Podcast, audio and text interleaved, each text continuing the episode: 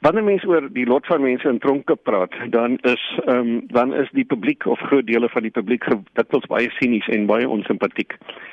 En dan sê hulle sulke goed so sluit hulle op en gooi die sleutel weg of hulle sê sulke dinge soos tronke is nie luxe hotelle nie of is nie veronderstel om luxe hotelle te wees nie. Ek kan jou verseker die tronke is nie luxe hotelle nie. En mense sê ook dat ja, as ons realisties is, dan is baie mense beter daarin toe in die tronk as daar buite.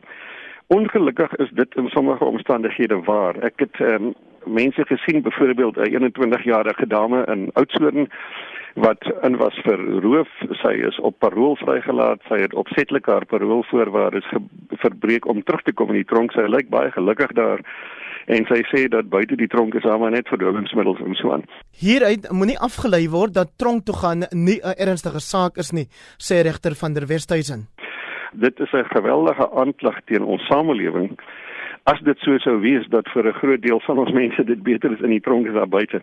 Maar waarom ek daai vraag spesifiek vra is die babas wat ons gesien het wat in die tronk is en daar versorg word omdat hulle nie ander familielede het nie. So baba en ma saam in die tronk, byvoorbeeld in Oudtshoorn. En eintlik is hulle omstandighede daar glad nie sleg nie. Hulle is in 'n huisie wat versier is soos enige kleuterskool hulle kry kos, hulle kry mediese sorg. En as jy hoor waar hierdie maans vandaan kom, dan is dit van die naaste plakkerskamp eh, wat 'n wêreld is van armoede en drank en verdowingsmiddels. In 'n onlangse meningsartikel sluit regter van der Westhuizen dit af met die vraag oor hoe vryheid in armoede opweeg teenoor aangehou word met toegang tot kos en mediese behandeling.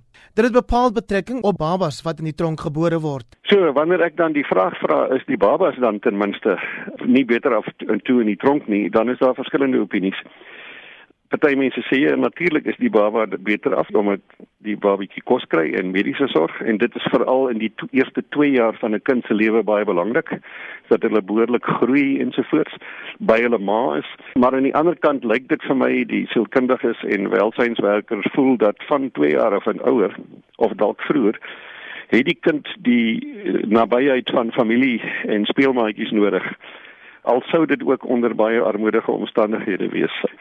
Dit is om te verhoed dat die kinders ten spyte van die relatief goeie behandeling binne die tronk 'n weerstand teen ander mense en die wêreld buite opbou, verduidelik regter van der Westhuizen.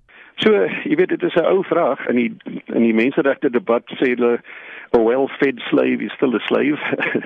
Met ander woorde dit help nie om te sê soos wat apartheid se ehm um, agente en propageerders in die ou dae gesê het dis al het ons nou apartheid in Suid-Afrika as ons swart mense kry beter kos as in die res van Afrika. Dit is daai soort van siniese argument dat as ek 'n slaaf sou hê en ek voed hom baie baie goed, maar die punt is hy is nog steeds 'n slaaf.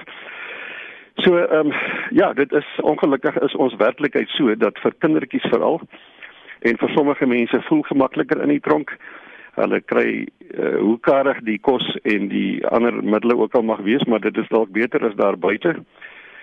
Regter van der Westhuizen sê dit is steeds 'n filosofies moeilike vraag om te vra of dit wel binne beter is as daar buite. Want die wese van ons menswaardigheid is dat ons moet in staat wees om keuses te maak. Dit klink snaaks om dit te sê, maar vanuit 'n menswaardigheidsoogpunt is dit jou eie plig en reg om te kies tussen reg en verkeerd. As ons almal in die samelewing net sou kon opsluit en dan kan niemand ooit misdaad pleeg nie, dan gaan ons seker 'n vredesame samelewing hê, maar dit gaan 'n heeltemal onmenslike samelewing wees. So die vraag het ek nie 'n antwoord op nie. Die kinders se voorbeeld met met mediese sorg en kos maak die vraag nou maar net 'n bietjie meer 'n bietjie meer direk. En ek vra die vraag juis omdat ek nie self die antwoord het daarop nie.